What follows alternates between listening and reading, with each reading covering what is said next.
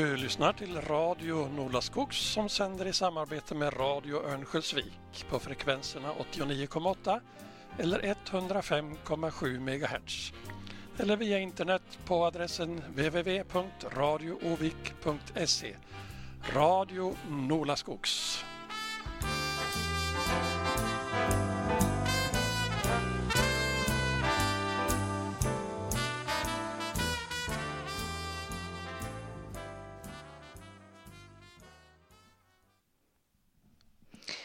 Välkommen till radion Ola Skogs med Vårdpratarna. Idag handlar vårdpratet om undersköterskor. Det är en väldigt viktig personalgrupp i vård och omsorg. Och idag har vi faktiskt en brist på den gruppen. Jag heter Elle Gunnarsson. Lite kort om undersköterskeutbildningen.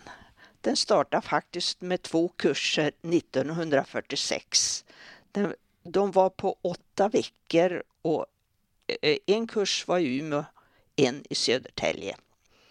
Sen så småningom så kom gymnasiereformen 1971 och då kallas det för vårdlinjen, undersköterskeutbildningen.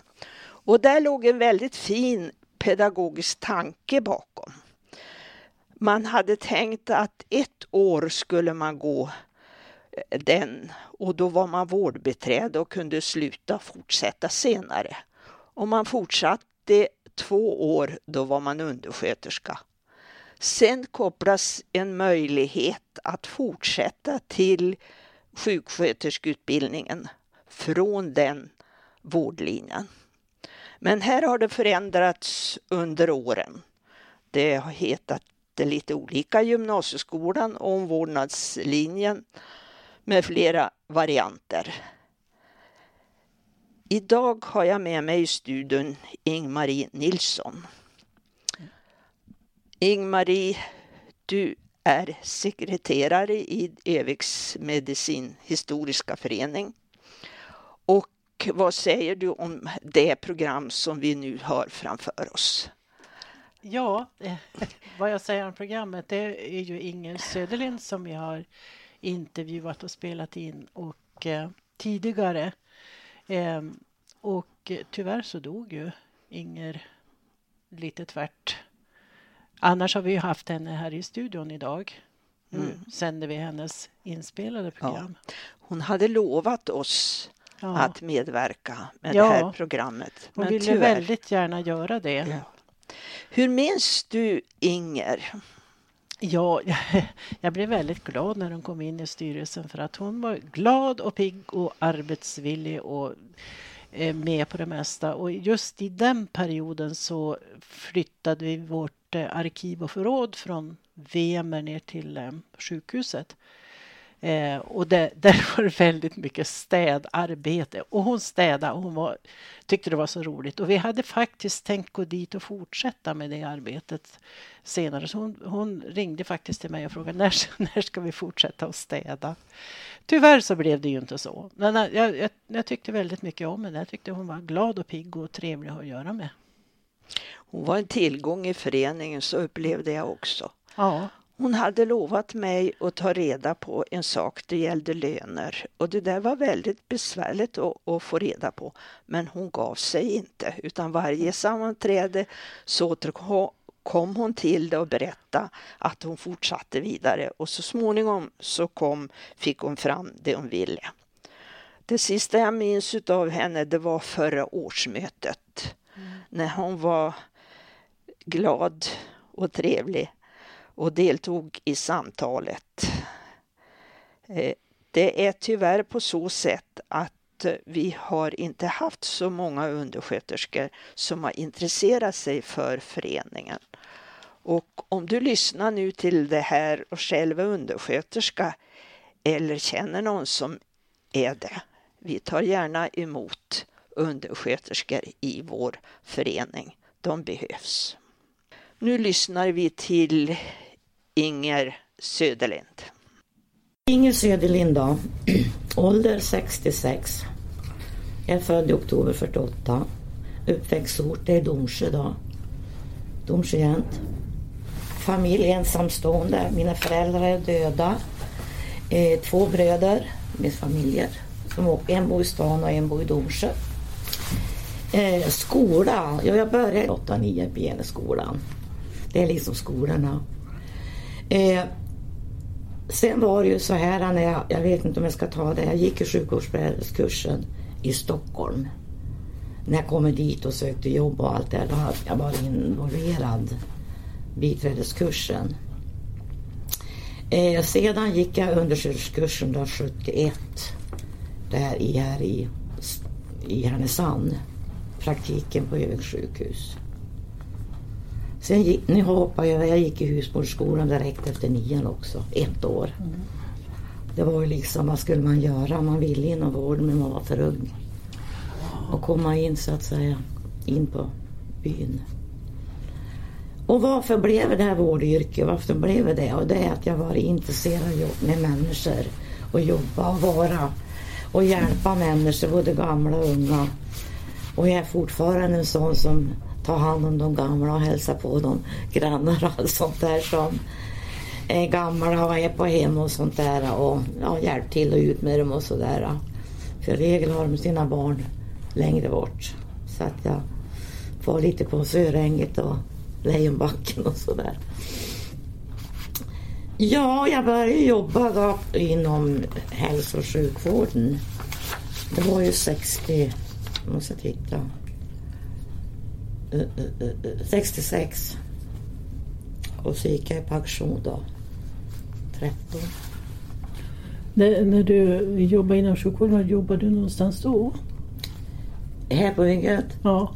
Jag tänkte jag skulle dra lite grann. Okay. Jag tänkte jag, jag kan ju dra det också ja, ja. avbryta. Mm. Ja. Så att säga, jag började då 66. Och områden. Då kan väl börja lite stort. Att när jag gick ut skolan då så gick jag i som jag sa. Ett år då. Men sen då på sommaren hade man ju inget jobb så då tog jag på mig en barnflicka. Och, och sen granne och jobbade här då från juni till april. Och skötte en pojke på två år då. Och det var att göra hemarbete, det var grovstäda och allting sånt där man fick göra. Det var inte bara barnet utan det var ju huset så att säga. Och sen, sen vart jag lite less och tänkte jag måste söka nu inom vården. Och här på sjukhuset fick man ju inga, var ju liksom för ung. Mm. Så att eh, då sökte jag genom Arbetsförmedlingen och hamnade i, på Sankt Göran i Stockholm då. Så jag får ju dit då efter barnflick när jag jobbade med det då. I augusti. år var det? 66 augusti. Och då var jag där till maj 67. Då jobbade jag på medicinavdelning där då och då var det medicin här och ena halvan och mm. damer andra halvan och jag hamnade då på en damsidan och det var bara norrländska tjejer som jobbade. Det enda som var eh, från Stockholm det var ju avdelningschefen. Och det var 20 patienter där och det var ju som sagt var blandat. Men kvinnor var ju med alla sjukdomar. Åh, det är skönt när mitt Stockholm är grönt Sakta gå hem genom stan. En kyss, sen går man sakta igen. Sakta en tur genom stan. Och det är natt och på avstånd och skratt. Och man går hem genom stan. En doft av hö från någon ljuv skärgårdsö smyger sig tyst in till stan. Precis som din arm så lätt och så varm känns sommarens vind mot min kind och natten står still, den finns inte till. En tystnadens skugga, en vind. Den är så kort och den glider tyst bort när trastarna vaknar i stan. Klockan är två, hela himlen är blå. Sakta vi går genom stan. Sakta hitåt ror en man i en båt. Stannar och ser på en svan. Allt är tyst och jag tiger nyss kysst. Sakta vi går genom stan på Västerbron i den himmelska ron En spårvagn går ensam och tom. Alla hus målar natten i ljus Hemligt går träden i blom. Här bor en miljon, säg hör de den ton som Stockholm nu spelar för dem. De far härifrån, långt bort härifrån. Men Stockholm det är ju vårt hem. Vart vi än går vet jag Stockholm är vår När vi går hem genom stan Här går vi med en tyst melodi Ensamma i hela stan. Så stannar vi till vid fåglarnas drill vi känner en doft av jul. Och glada vi hör en jublande kör. Då stiger en gnistrande sol. Åh, det är skönt när mitt Stockholm är grönt. Sakta en natt då i stan. En kyss sen börja vandra igen. Sakta gå hem genom stan. Sakta gå hem genom stan. Sakta gå hem genom stan.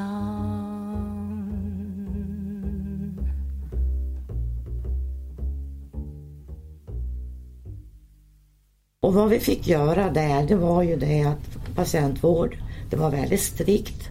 Vi hade klänningar blåa med vit fölker och så hade vi när vi var inne och skötte patienterna gula rockar som det finns än idag. Men man fick inte korridor med dem. Man fick inte ha gula rockarna på sig vid ronden. Då skulle det av. Det var nästan stå i vakt. Patienterna som skulle skulle sitta vid säng eller vid fotändan och sitta där eller stå vid sängen. Fick inte ligga. Det var liksom upp med dem. Och så att säga. Man, och det var ju mycket städning. Vi fick ju städa allt. Och vi gick ju skift morgon eller före eftermiddag. Vi gick också natt. Så att säga. Så det var ju vanlig patientvård och det var ju medicin och det var ju blandat och så att säga. Och en del låg ju längre och en del ja, kortare tid så att säga. Men jag trivdes jättebra där. Och jag gillar ju gamlen som jag sagt tidigare. Och många var ju äldre utav de som hade varit. Och det var ju mycket vak.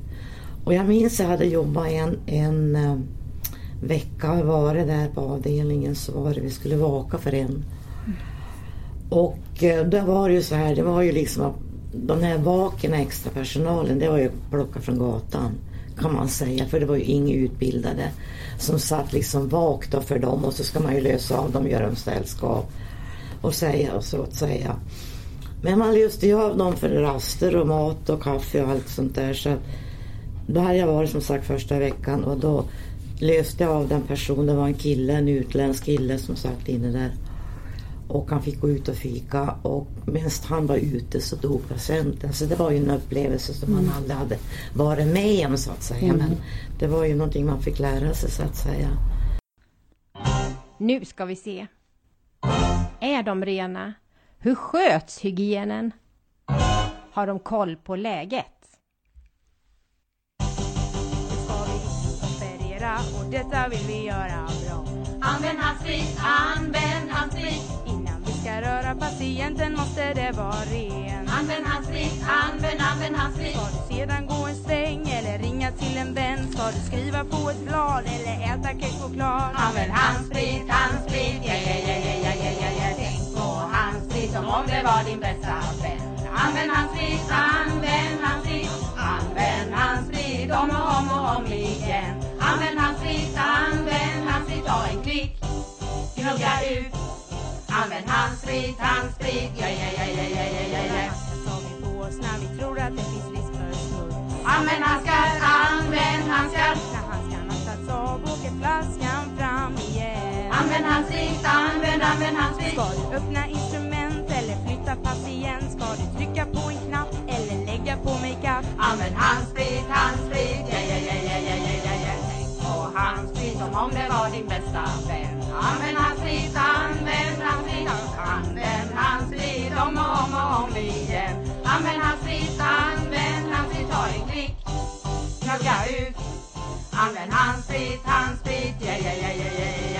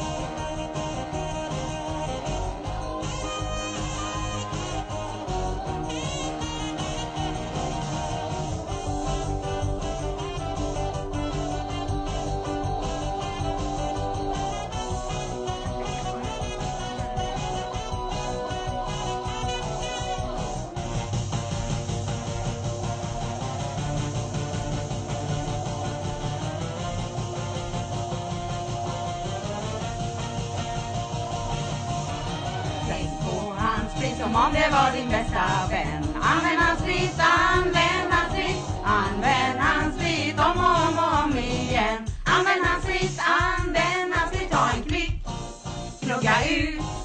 Använd hans sprit,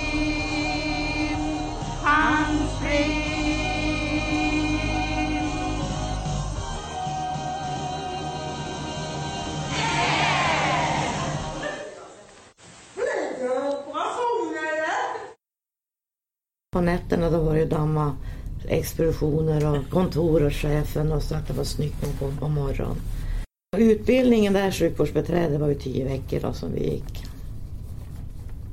Och då var det både läsa och praktik då. Bädda och sånt där och sköta patienten i sängen och sånt där. Om, omvårdnad så att säga. Ja, efter det där jag hade varit i Stockholm då kom jag hem i maj. Och eh, under min tid jag var i Stockholm så sökte min mor genom Arbetsförmedlingen och sånt där då, på sjukhus och försökte ju då men de fick ju brev och så ringde hon och så sa hon Ingrid, tack för visat intresse. Och ja, ja men så det är bara att hålla på. Men när jag kom hem i maj och hade sagt att nu får jag hem för att nu vill jag liksom fortsätta hemma. Dagen efter jag kom jag hem så åkte jag upp på sjukhuset hade inte varit på Arbetsförmedlingen ingenting utan man fick liksom, man måste ju söka upp någon där uppe. Så gjorde jag när jag kom till husmor, nu kommer jag inte riktigt ihåg vad hon hette, men hon satt i alla fall små trapporna upp till en fris, eller på matsalen där. Mm. Det var ju tre trappor, så Ja. var det en dörr. Ja. Där, hon satt där, men jag kommer Mm. inte ihåg vad hon hette. Margareta Boman kanske? Nej, inte före. Ja, före. Therese. Therese eller... Ja, någon utav dem. det? Jag knackade på dörren där och gick in och presenterade mig och sa som det var att jag hade varit i Stockholm och under min tid hade min mor sökt åt mig och sånt där. och fint. Ja, hon hade ett djupt samtal med mig och frågade vad jag hade gått igenom när jag var i Stockholm och hade gjort. Ja, hon skulle fundera. Ja, det gick pappa på eftermiddagen så ringde och så dagen efter fick jag börja.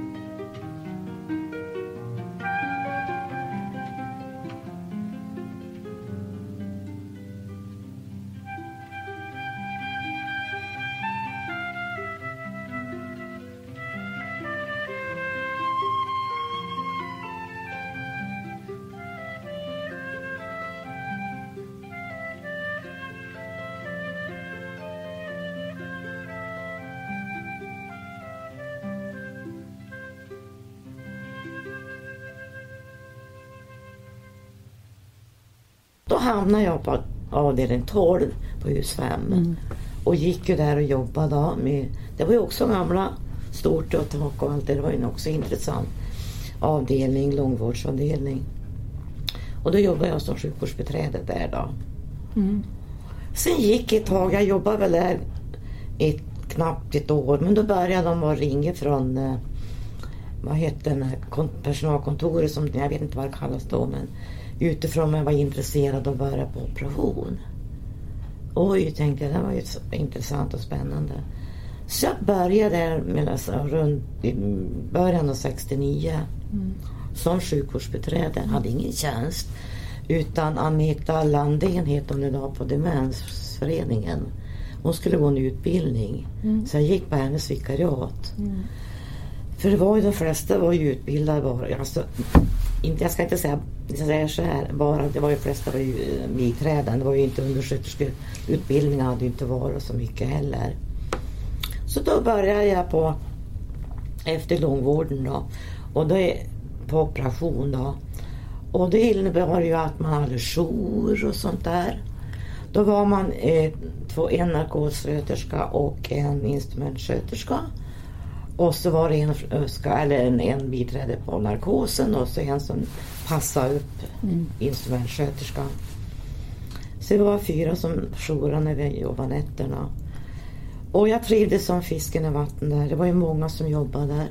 Det var det, men det är ännu fler idag om man tittar så mm. i framtiden hur det har gått med allting. Och det var ju bra läkare. Det var Karlsson, Parkman, alla de här gamla som jag sa. Det var tungt och allt sånt där jobbigt många gånger. Det var stressigt. Men det var ett roligt, roligt jobb. Fast det var, det var ett servicejobb så att säga, mycket utav det. Mm. Men, eh, och där var jag, där hade jag ju, vad heter hon, Berit Persson bland annat hade jag mm. som chef ett tag mm. efter hon slutade.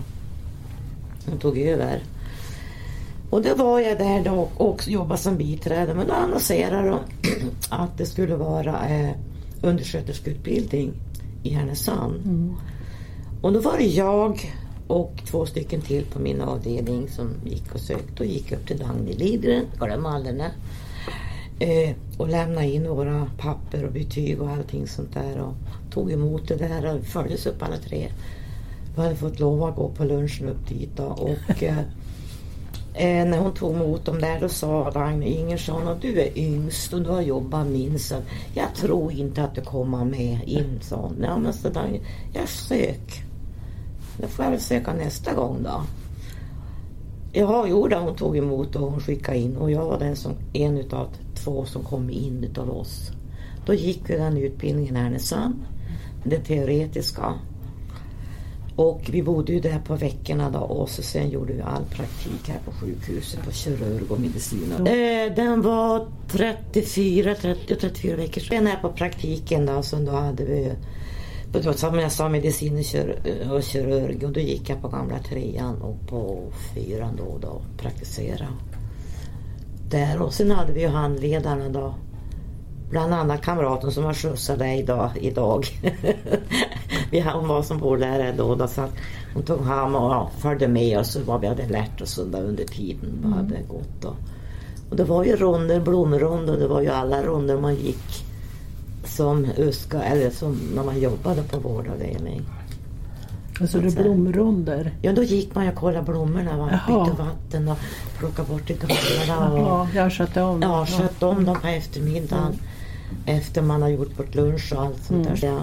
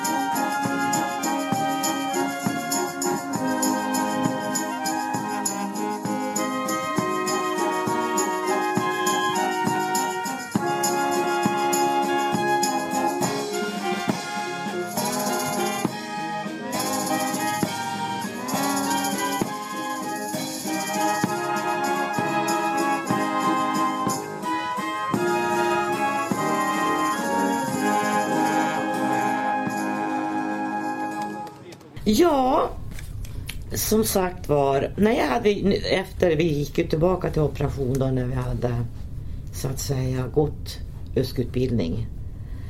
Så att säga vi, vi två då och jobbar ju kvar där då. Tills det annonserades att hus 5 skulle tömmas och flytta upp på Vemet, plan 1. Mm.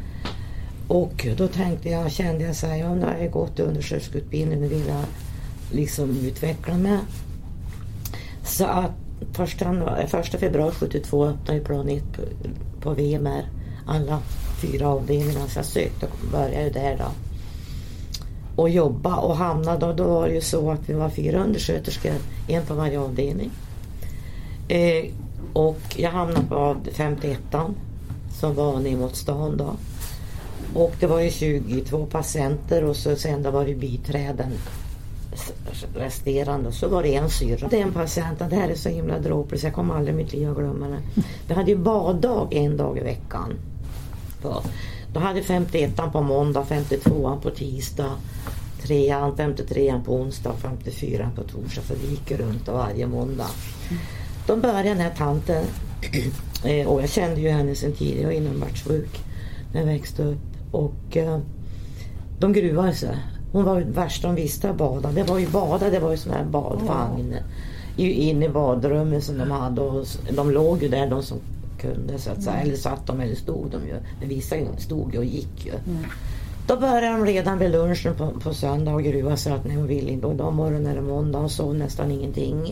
Så där var det varje måndag och likadant på morgonen och allt det där. Och då så, tog de ju alltid henne först och bara för att mm. då var, en, sen hon har gjort det renbäddade man gjorde ju rent och snyggt och runt i sängen. Och när hon hade kommit tillbaka då var hon som en ny människa. Men vad skönt att jag badade. Alltså, det var ju, men det var så obehagligt. Man visste att söndag då började hon att klaga. Mm. Och gruva sig och vet du. Och så var ju hade ju haft, vad heter det, cerebralt, alltså. Mm. Och så hon var ju väldigt krokig och hade, alltså, hon, alltså det var och det är klart, inte skulle vara så roligt att utelämna ligga naken på en sån här duschvagn Nej. som det var då mm. på den tiden. Och liksom mm. två stycken. Men alltså efteråt tvätta hår och rengöra mm. öron och allt vad nu. Klippa naglar och allt sånt där. Det var ju det de gjorde. Mm. För det var ju baderskor vi hade då förut mm. på sjukhuset. Men alltså det, det, är någonting som jag aldrig kommer att glömma Nej, så länge jag lever. gruva sig, ja. ja. Det var hennes... Ja, det gick liksom inte att... Ja. Mm. Vi gick in här ute, man pratade, man satt och pratade på söndag, man jobbade kväll och mm. liksom försökte lugna. Nej men Inger, du vet det går. Jag kan jag vill inte. Så var det nästan halvgrinta. Mm. Men när det var gjort då var hon som en sol. Mm. Åh, vad skönt det här var.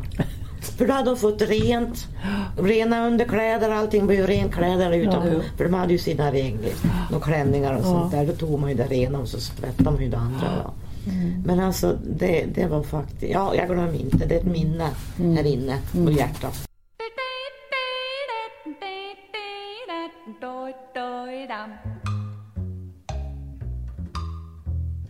Droppen, dripp, dripp och droppen, drapp, drapp satt, satt på varsin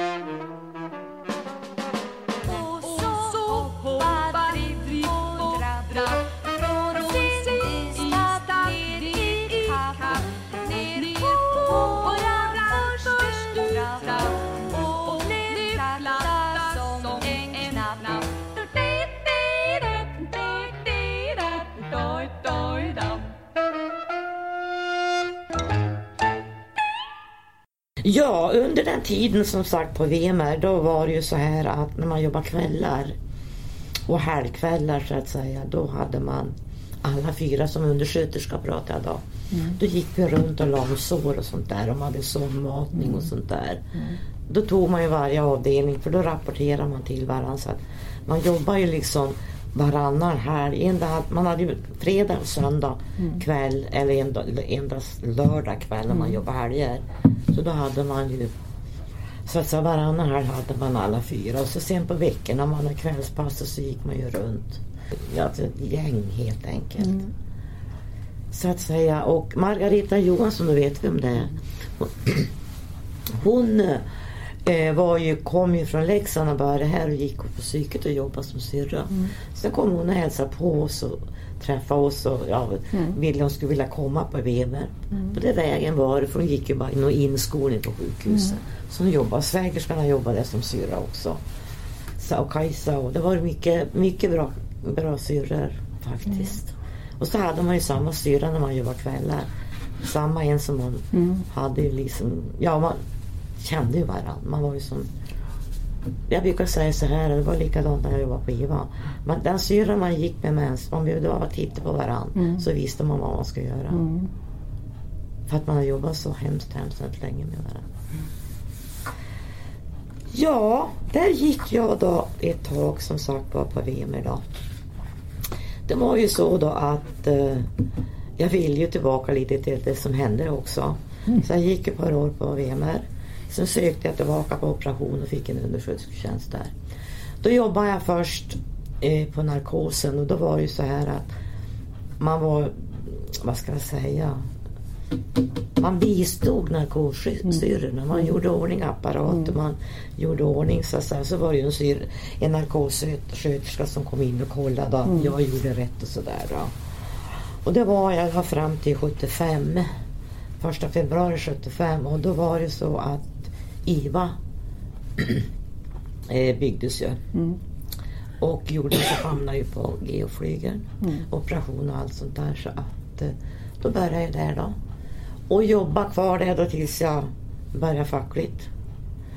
Men jag var alltid inne på, när jag jobbade fackligt från 2002 eh, så har jag alltid inne och jobbat fyra veckor på sommaren. Mm. Var i det något extra någon gång och mm. någon natt som det fattades under den här tiden jag jobba fackligt. Man vill ju liksom, jag har inte släppt dem än. Och jag har inte släppt Kommunal än heller. Utan Nej. det är ju liksom hjärtefrågor som man har haft. Chefen satt i Spanien, i Barcelona på en konferens. Natten var ljummen med syrsor och musik. Efter tapas och en kava var hela världen hans. Och han hade en plan när han kom hem till sin klinik. Han skulle omorganisera, omorganisera. Vi rör runt i grytan så kokar det mera. Det kommer inspirera folk att producera och det kommer skapa jobb för konsulterna blir flera. Syster Gudrun satt vid köksbordet och grunnade mer och mer. Om organisationen vände allting upp och ner. Men hon tog det nya schemat utan något gnäll. Så hon fick sluta gå sin kurs i akvarell. Chefen rapporterade att alla var nöjda nu. Och så blev han befordrad utan ens en intervju. Nu skulle han bli sjukhuschef, hans hud började stå. För han visste exakt vad han skulle göra då. Han tänkte omorganisera, omorganisera. Vi rör runt i grytan så kokar det mera. Allt gammalt ska vi radera Behöver inte motivera. Och det kommer skapa jobb för administratörerna blir flera. Gudrun stod på macken och tankade sin bil. Hennes arbetsplats var flyttad norrut några mil. Det var ganska dyrt att pendla, men fanns det något val?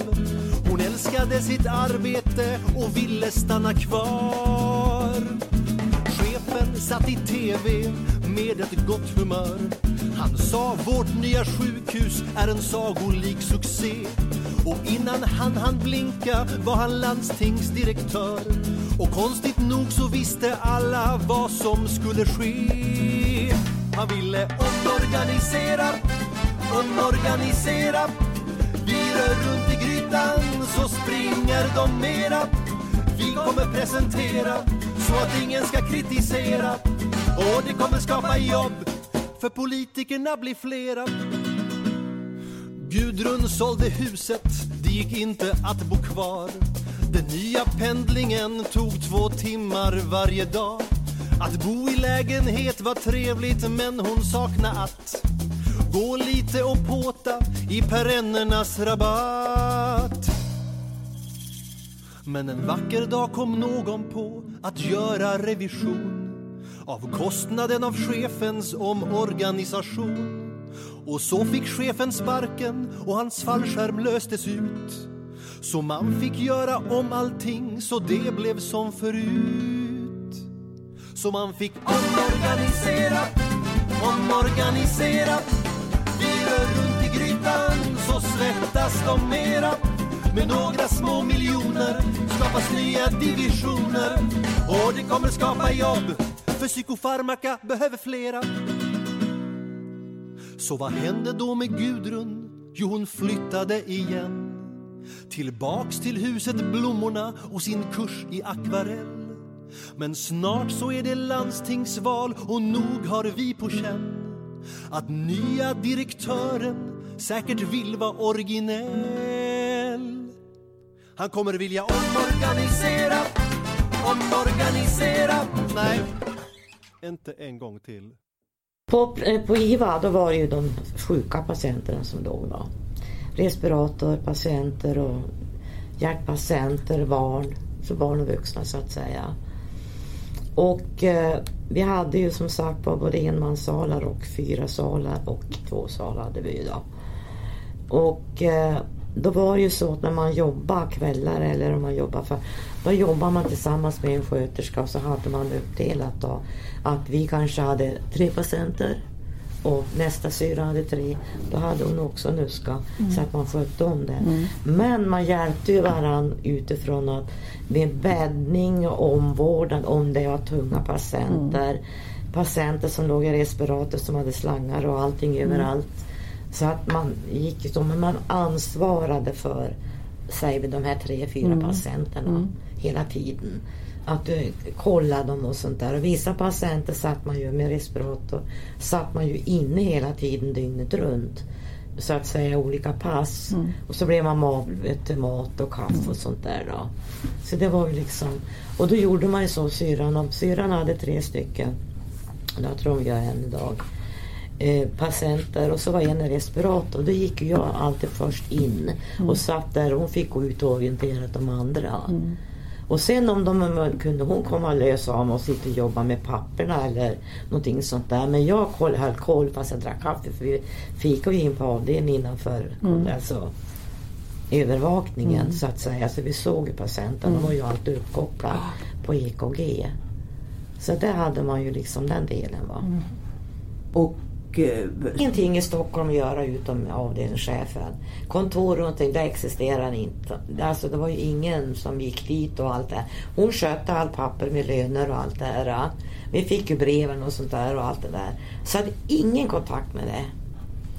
Läkarna som sagt var när vi hade, de hade man ju inte som man hade här. De fika med en och allt sånt där utan det var ju, de kom och det var ju vakt och det var ju ingen sånt, utan det var ju den personal som var på avdelningen, biträdena. Och så var det tre sköterskor. Nej, två var det och så avdelningssköterskan. Det var ju ingen kontakt alls.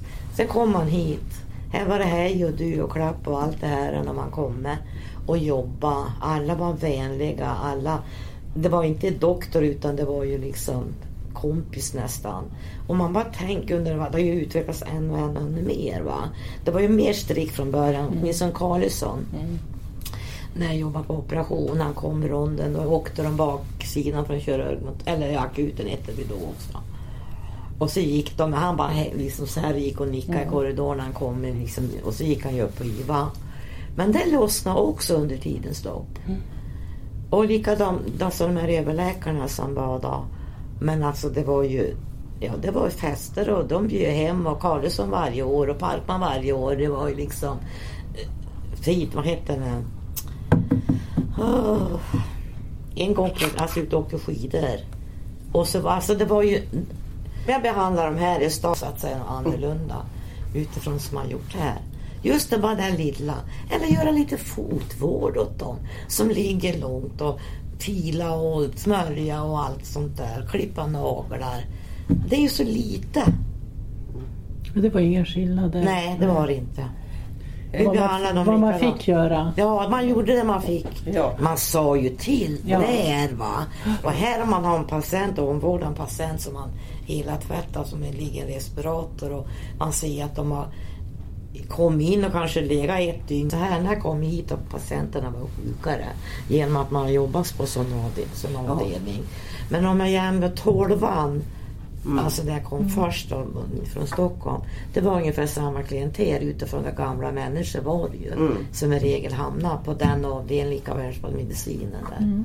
Det, var, det var inte många yngre som låg på vår avdelning i Stockholm.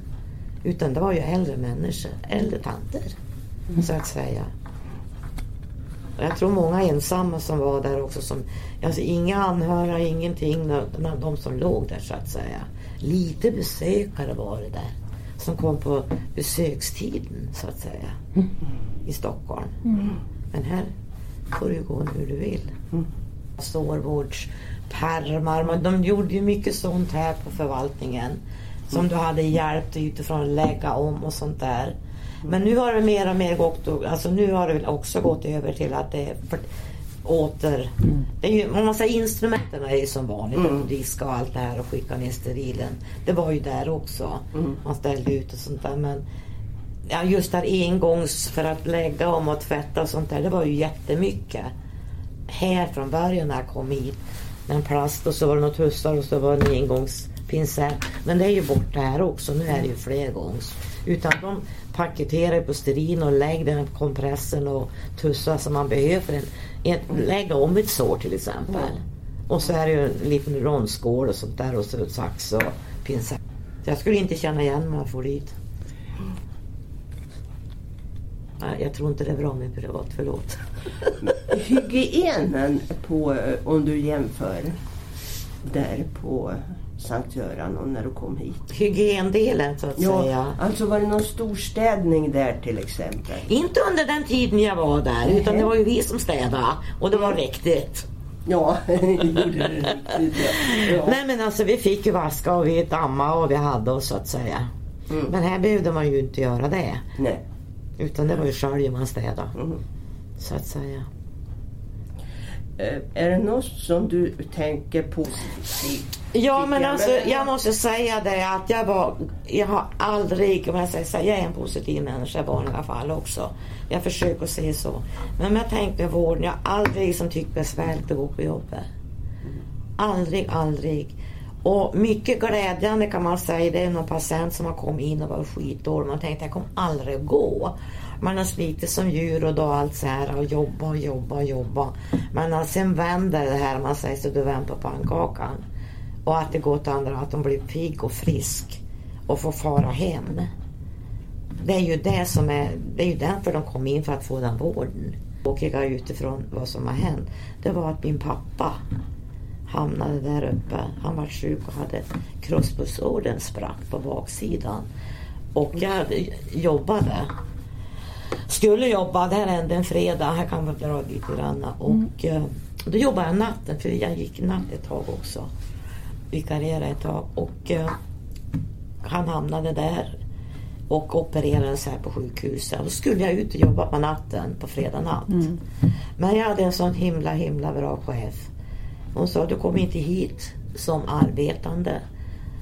Och eh, du får vara här som anhörig, du får vara här och bo i anhörigrummet. Och det gick ju. Pappa klarade sig inte, han dog ju då så att säga några dagar efter. Men det var jätte var det jobbigaste. Men jag tror att personal var lite... Det var ju mina arbetskamrater, då skulle jag jobba natten mm. på den helgen då. Och det var ju då mina, mina närmaste som jag jobbade jämt, nattpersonal, eller nattpassen, och då var de med och jobbade och det var skitjobbigt. Mm. Det var det jobbigaste, genom att man är anhörig. Mm. Så man förstår ju de som går in genom dörren och kom till en patient eller en anhörig och mm. känslan så att säga. Det var hemskt jobbigt. Men jag hade underbara arbetskamrater.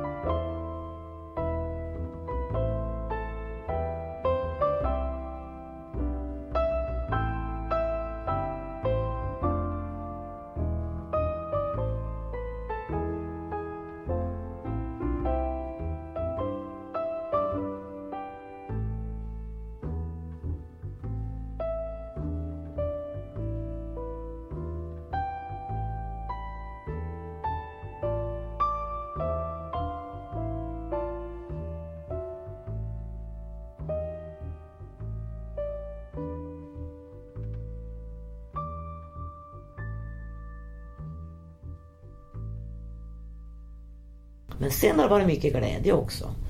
Man fick skratta mycket, mycket trevliga patienter och skratta, många humorister och sånt där. Mm. Och det var ju så här på enmanssalar låg de i en sand och en karl kunde ligga där. Men när vi hade fyra så kan det vara ju, det kunde ju vara blandat. Mm. Genom dam och herrar. Dam och herrar genom att det var skynke mellan, vi mm. drog emellan. Och på två man så att säga. Och de hade ju roligt patienterna också ibland om de var pigg och, de var piggare och piggare.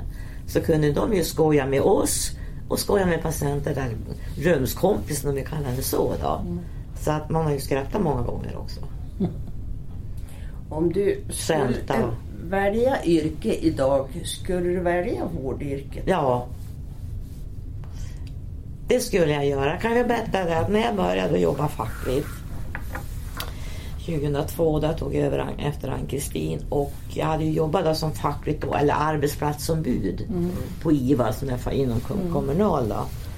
Och sen tog jag över det där för att det, det var, hände någonting och då var det ju så att eh, ja, jag, jag, jag satsade på det här då. Och då satt vi faktiskt borta vid köket. Mm. Där uppe på, vid, kö, vid köket så att säga.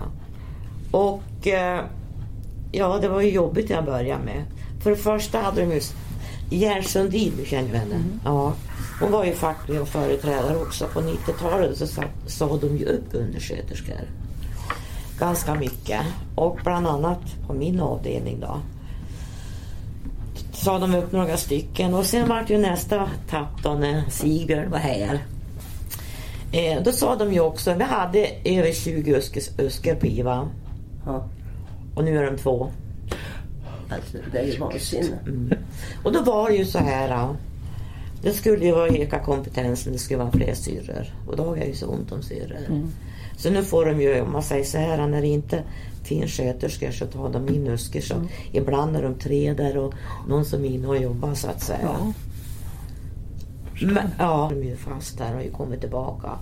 Men då var det så, tänk, då sa jag så här att jag ska inte jobba en enda dag längre än 65 år. För har man sagt upp 100 människor ska inte jag gå kvar och jobba extra. Jag hade liksom, det var mm. min mental, jag hade bestämt det. Mm. Jag gör inte. För jag skulle ha skämts om jag inte varit ute en dag, inte en halv minut. Mm. Jag går helst på kan jag göra. Men alltså, det, då hade jag, tog jag det beslutet när det vart. Mm. Slutar jag fackligt och ska icke jobba längre än 65 år. Mm. Än om jag är pigg och allt det här. Det var mitt beslut mm. och jag ångrar mig inte. Fast jag kan gå och hälsa på dem på IVA och jag går hälsa på dem upp utifrån. Jag har lika god kontakt med mina medlemmar, man kallar det så, mm. kommunals. Men eh, ja, de tyckte det var en höjdare. Alltså jag älskade det. Mm. Utifrån gå runt och hälsa på dem och hur de mår, mm. hur de har och hur det fungerar. Och så var det ju himla lätt för VM med klinikens avdelningar att springa bara någon trappa ner om mm. de ville någonting. Mm. Så det. det var ju väldigt fint att du gick ut på somrarna och jobbade då. Jo men jag kände det liksom. Jag behöver vara, mm. om en explosion ska vara liksom, stängd.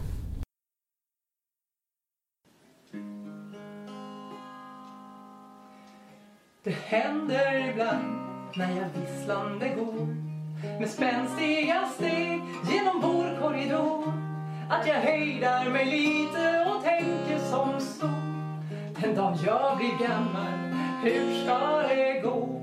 Ska jag sitta vid fönstret och vänta som dem som jag nu hör till arbete att sköta om? Ja, det händer ibland att jag tänker ett slag att plötsligt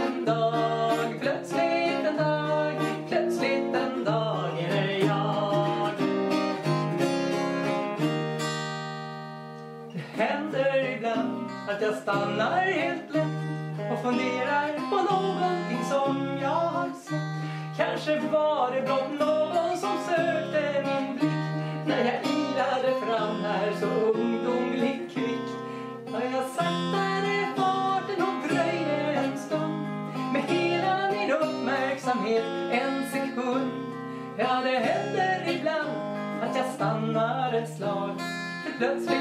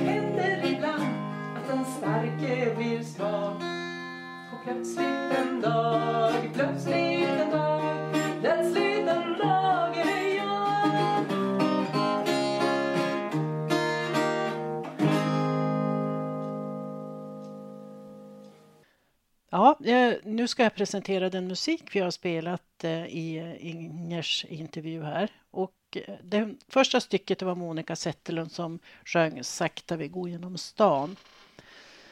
Som nummer två eh, är det ett stycke som heter Använd handsprit. En film från operations och anestesikliniken vid Värnamos sjukhus. Och nummer tre är Dimman lättar av Carl Nielsen. Nummer fyra, Tulpaner från Amsterdam. Det var en rysk musikkår som spelade på Skeppsbrokajen i Stockholm. Och som nummer fem var det Droppen Dripp och Droppen Drapp med Alice och Titti Babs. Och det sjätte stycket är, hette Omorganisera av Henrik Widegren. Eh, och nummer sju Visa från Utanmyra med Jan Johansson. Och sista stycket det var eh, Plötsligt en dag av Annika Edin. En sång om inlevelse. Det är så här att eh, när vi skulle sända den här intervjun så funderade vi på vilken musik vi skulle spela och eftersom Inger inte kunde tala om det för oss så ringde jag faktiskt till hennes bror Anders Söderlind och frågade Vet du egentligen eh, om Inger var intresserad av någon speciell musik som vi kan spela? Men det kunde han inte säga någonting om. Så han sa ta vad ni vill, sa han. Så då har vi försökt göra det. Sen, Ing-Marie, måste vi påminna om vår utställning. Kan du berätta om den? Ja, visst, ja. Den, den nya utställningen på i Weberentrén som nu är färdigställd och invigd och allt det där som handlar om BB-förlossning vid Örnsköldsviks sjukhus. Den måste ni absolut se. Och det finns ju inte någon begränsad tid. Den kommer ju att eh, stå där ganska länge. Men, och det är öppet i entrén mellan sex och åtta på kvällen tror jag. Så det är fritt fram att gå dit och titta. tycker jag ni ska göra. Eh, det har ju varit en arbetsgrupp som arbetar med det. Ja, vilka har det varit? Ja, det har varit, eh, nu ska vi se, nu måste jag tänka efter. Karin Almroth, eh, gynekolog, Ulla Wikman, barnmorska, eh, Elisabeth Eriksson, barnundersköterska, tror jag att det kallas för. Britta Håkan som är ordförande i vår förening, Lennart Forslund som är ledamot, eh, jag och eh, Ann-Britt Edström som är vår kassör. Så vi har jobbat ungefär ett år med den där utställningen. Då får vi avsluta med att tacka dig som har lyssnat till Vårdpratarna.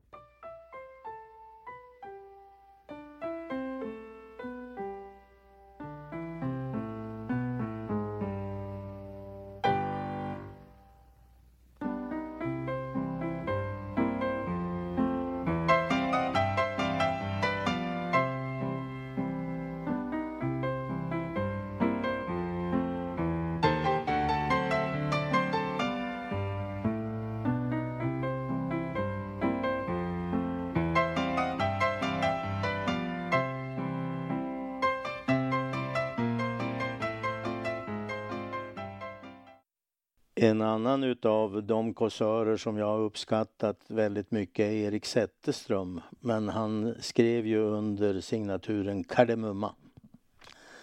Eh, verksam i Stockholm eh, och eh, rätt mycket också även i revylivet i Stockholm på 60, 50, 60, 70-talet. Här kommer I sus och dus. Segling är inte min starka sida.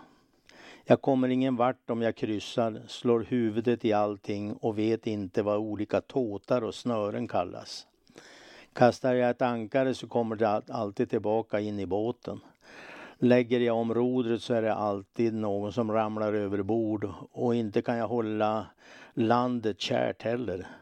Men jag kan hålla brännvinet kallt och det är inte att förakta en vacker varm sommardag. Trevligast är det att sitta i en rymlig båt som ligger för ankar i en stilla vik som nu häromdagen när Harry kom seglande i sin 85 eller vad det nu kallas för. Och han hade med sig glada och trevliga människor som gned sig i djungelolja och berättade roliga historier. Ja, ni anar inte så många roliga historier de berättade. Och vi skrattade så att det ekade i bergen på andra sidan Kyrkviken. Det lät som om det hade varit kräftkalas men det var bara burkhummer, eh, sån där som man har känning av i minst 14 dagar framåt. Det var apropå burkhummern vi kom in på sjukdomar och då berättade Gunnar, översten med det hjärtliga och glada skrattet, historien om den stackars mannen med det susande huvudet. Jo, sa översten, det var en gång en mullsork som började känna sig en smula krasslig. Översten kallade de flesta människor för mullsorkar, av ofta icke utan anledning. Den stackars karn kände en morgon att det susade i huvudet. Det kan man ju känna lite var om morgnarna, men på den här mannen susade det i huvudet alldeles förskräckligt. Om man säger att det blåste en kall nordan så är det lindrigt uttryckt. Han blev naturligtvis mycket orolig och uppsökte sin hus och livläkare som undersökte honom mycket noga och sade Ja, det var tråkigt det här. Jaha, det är tråkigast för mig, sa mannen och tog sig om huvudet. Huvudet är som en snäcka, så susar det i det. Kan jag inte möjligen ha ätit eller druckit något otjänligt? Det är inte någon tillfällighet, sade doktorn och såg ännu allvarligare ut. Det är en invärtes historia. Jag tror att vi blir tvungna att ta bort gallan. Mannen bleknade och tänkte dels på att han hade haft gallan så länge, dels på att det nog skulle kosta minst 800 kronor att ta bort den. Är det alldeles nödvändigt? frågade han. Ja, de här susningarna härrör sig från gallblåsan, sade doktorn. Men det går alldeles utmärkt att klara sig utan gallan och operationen är inte alltför besvärlig. Om en månad kan ni vara på fötter igen. Och då är då suset borta då? Ja, absolut. Låt oss göra operationen redan imorgon. Nästa dag lade mannen sig på operationsbordet och doktorn opererade bort gallan. Det gick finfint. Ty han var en framstående läkare som inte hade gjort annat än tagit bort gallblåsor och blindtarmar. Han hade nästan kunnat göra det med för, förbundna ögon. Så kom mannen på benen igen och märkligt nog susade det i huvudet värre än någonsin.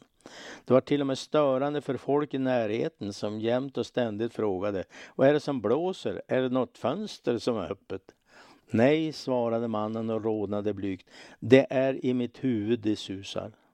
Naturligtvis ringde han på till doktorn och rapporterade sitt sorgliga tillstånd. Jaså, sa doktorn, då var det alltså inte gallan. Det var högst intressant. Jag måste genast anteckna det till en avhandling i sådana här fall. Mycket intressant. Jag är glad åt att jag kunnat bidraga till intresseväckande rön, sa mannen, men det gör det inte lättare för mig. Nu går jag till en annan läkare. Nu går jag till en specialist. Specialisten lade in mannen på observation och det vet man ju vad det innebär. Han tog 250 prov och hittade mest andra sjukdomar.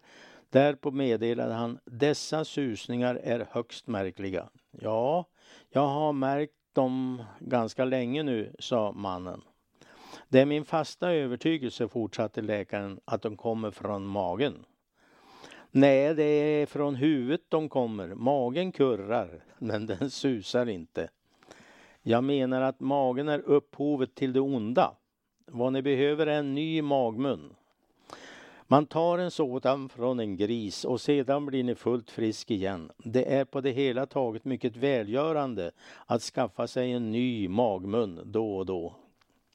Mannen lade sig än en gång på operationsbordet och han steg upp ur sängen någon månad senare utan att grymta. Därvid konstaterade han att han hade ny magmun men han hade kvar sitt gamla sus. Det lät så välbekant att han blev nästan rörd mitt i sin förtvivlan. Ja, då kom det alltså inte från magen då, sa specialisten. Det var högst intressant. Då gick mannen till en framstående professor som hade studerat susande huvuden i hela Europa. Han lade patienten på specialobservation i tre månader och tog 500 prov. Därpå kallade han in honom och sade mycket allvarligt vi läkare bör ju vara uppriktiga mot våra patienter. Ja, säg rent ut professorn. Ja, jag är ledsen att behöva säga det, sade professorn. Men ni har bara sex månader kvar att leva. Det kom som en chock för den stackars mannen, men han bar det med ett högburet huvud. Betalade professorn för observationen och de 500 proven och gick sedan och satte sig på den ljusa varma krogen. Sex månader tänkte han, det är inte lång tid. Men om jag nu ska gå bort så snart, varför då inte leva livet och ta vara på tiden? Här är inte en minut att förlora. Han sålde sitt hus och realiserade alla sina övriga tillgångar. Det blev en liten nätt slant som han satte fräs på efter bästa förmåga. Han reste jorden runt, livnärde sig på gåslever, ostron och rysk kaviar och skålade i den bästa champagnen med de skönaste kvinnorna som tyckte att han var gulligare än alla andra män de hade träffat. Vad brydde det sig om att det susade huvud på honom? Och när han inte hade något annat för sig köpte han bilar och motorbåtar, beställde nya kläder och spelade bort det mesta på kapplöpningar. Kort sagt, han levde i sus och dus. Så var det bara tre veckor kvar och då tyckte han att det skulle passa med några eleganta sidenskjortor för ungefärligt tusen kronor styck. Visserligen skulle det ta 14 dagar att sy dem men sedan kunde han ha dem en hel vecka. Det var liksom en flott sorti, tjockt beigefärgat siden som han hade önskat sig i hela sitt liv. Den förnämste skjortskräddaren i stan välkomnade honom, tog halsmåttet och sade 16 tum för halslinningen. Nej, sa mannen, 15 tum. 16, sa skräddaren. Ni hör vad jag säger mannen, jag har alltid haft kragar som har varit 15 tum. Det är mitt mått. Men det ska vara 16 tum, envisade skräddaren. Nå, frågade mannen förstrött. Vad gör det nu om vi enar oss om mina vanliga 15 tum då? Vad händer då då? Jo, då susar det i huvudet, svarade skräddaren. Översten hade berättat den stillsamma, sällsamma historien till slut och vi satt länge tysta och tagna av alltsammans. Så bröt lilla fru E tystnaden. Översten menar alltså att han hade gått omkring med för trånga kragar hela tiden. Då tog jag jollen och rodde i land. Man ska inte vara uppe så länge om kvällarna när det finns många fisknät att ta upp tidigt om morgnarna. jag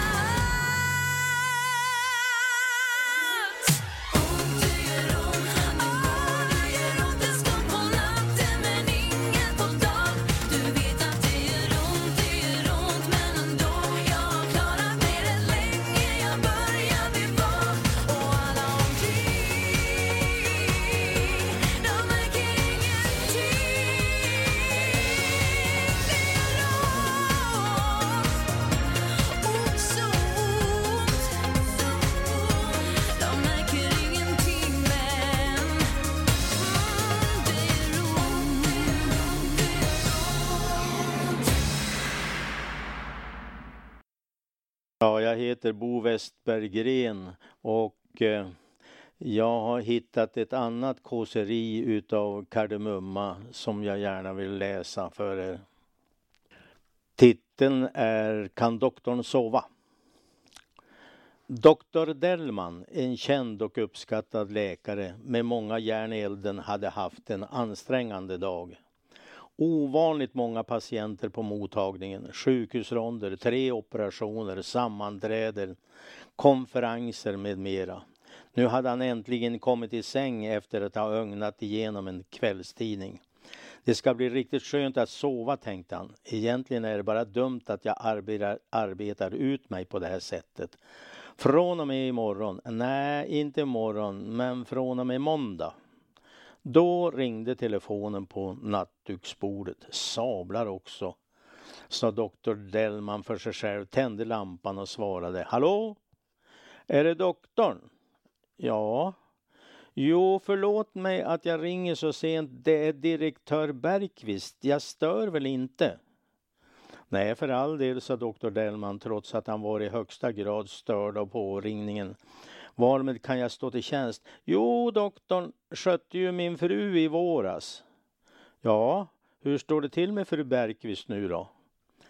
Ja, det har varit ganska hyggligt så länge vi var på landet, men här i stan har hon haft det så besvärligt med sömnen. Det är därför jag ringer till doktorn. Jag är ledsen att störa så här sent på kvällen. Men doktorn vill väl inte vara så snäll och ringa till apoteket efter något som hon kan sova på. Hon har tidigare tagit Vepadon och Sardigan men tyvärr är tabletterna slut. Ja, jag ska ringa till älgen, sa doktor Bergqvist. Hämta sömntabletterna där ni om en kvart.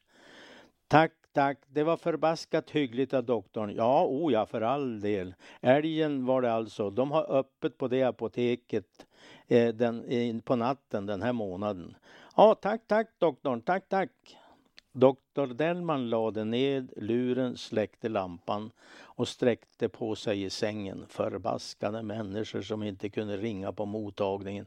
Men nu skulle det bli skönt att sova. Han gäspade och lade kuddarna till rätta, vände sig mot väggen och somnade nästan omedelbart. Doktor Dellman hade väl sovit knappt två timmar när telefonen ringde igen. Jo, det är direktör Bergqvist. Jag är förfärligt ledsen att behöva besvära doktorn igen. Är, doktorn hade väl inte somnat? Nej, för all del ljög doktor Dellman. Ja, det var skönt att veta. Saken är den att jag har givit min hustru nu en Vepadon. Men hon kan inte somna och ligger bara och vrider och vänder på sig och får inte en blund i ögonen. Nu ringer jag för att fråga, kan hon utan risk ta en tablett till? Ja, det kan hon, sa doktorn. Det är inte så starka saker. Tack, tack. Som sagt, ledsen att jag störde doktorn en gång till, men nöden har ingen lag. Då ska jag alltså ge henne en tablett till då. Ja, sa doktor Dellman och sov så gott båda två. Det var inte så lätt för doktor Dellman att somna om. Han låg en stund med ljuset tänt och stirrade i taket, gjorde upp planer för nästa dag och funderade på om han inte rent av skulle ta ledigt en vecka i oktober och resa till fjällen. Sedan släckte han och räknade får. Ett insomningsmedel som ofta är bättre än både Vepadon och Sardigan. Han hade väl kommit till cirka 500 får när han äntligen somnade in och i drömmen höll ett långt och intressant föredrag om medellivslängden bland våra läkare. Bland åhörarna på första bänk såg han till sin glädje direktör och fru Bergqvist. Då ringde det för tredje gången. Han satte sig yrvaken upp i sängen, famlade efter telefonen och svarade. Hallå, Jo, det är direktör Bergqvist igen. Jag är förtvivlad över att behöva störa doktorn på det här sättet. Men nu har min fru fått ta två Vepadon. Hon kan ändå inte somna. Nu undrar jag, ja vad undrar direktör Bergqvist på för någonting då?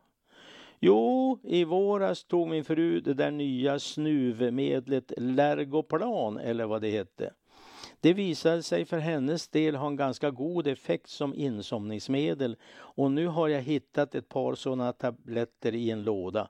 Är det mycket farligt om hon tar en Lergoplan också? Nej, sa doktor Delma med mattstämma. Det kan hon gott göra. Det är nämligen tämligen ofarligt medel. Tack, tack doktorn. Och bli nu inte ond för att jag stört på det här sättet. Men doktorn kan säkert sätta sig in i vår situation. Ja, det, kan jag gott, sa doktor Dellman. Min fru ber om sin hälsning, doktorn. Ja, tack, tack och god natt nu. Doktor Dellman suckade och såg på klockan. Nu var det bara fyra timmar att sova. Klockan åtta hade han en magpumpning, klockan nio sammanträde med sjukhusdirektionen. Klockan 10 ronden på Sankt Erik. Klockan 11 operation på Röda Korset. Klockan 12 John Blund sänkte än en gång sitt paraply över doktor Dellman och han hade väl sovit cirka tio minuter när telefonen gav ifrån sig en lång och brutal signal. Rrr! Han stötte i hastigheten omkull lampan på nattduksbordet, fattade luren med båda händerna och skrek Hallå! Är det doktorn? viskade en röst i andra ändan av tråden. Ja. Jo, det här är direktör Bergqvist.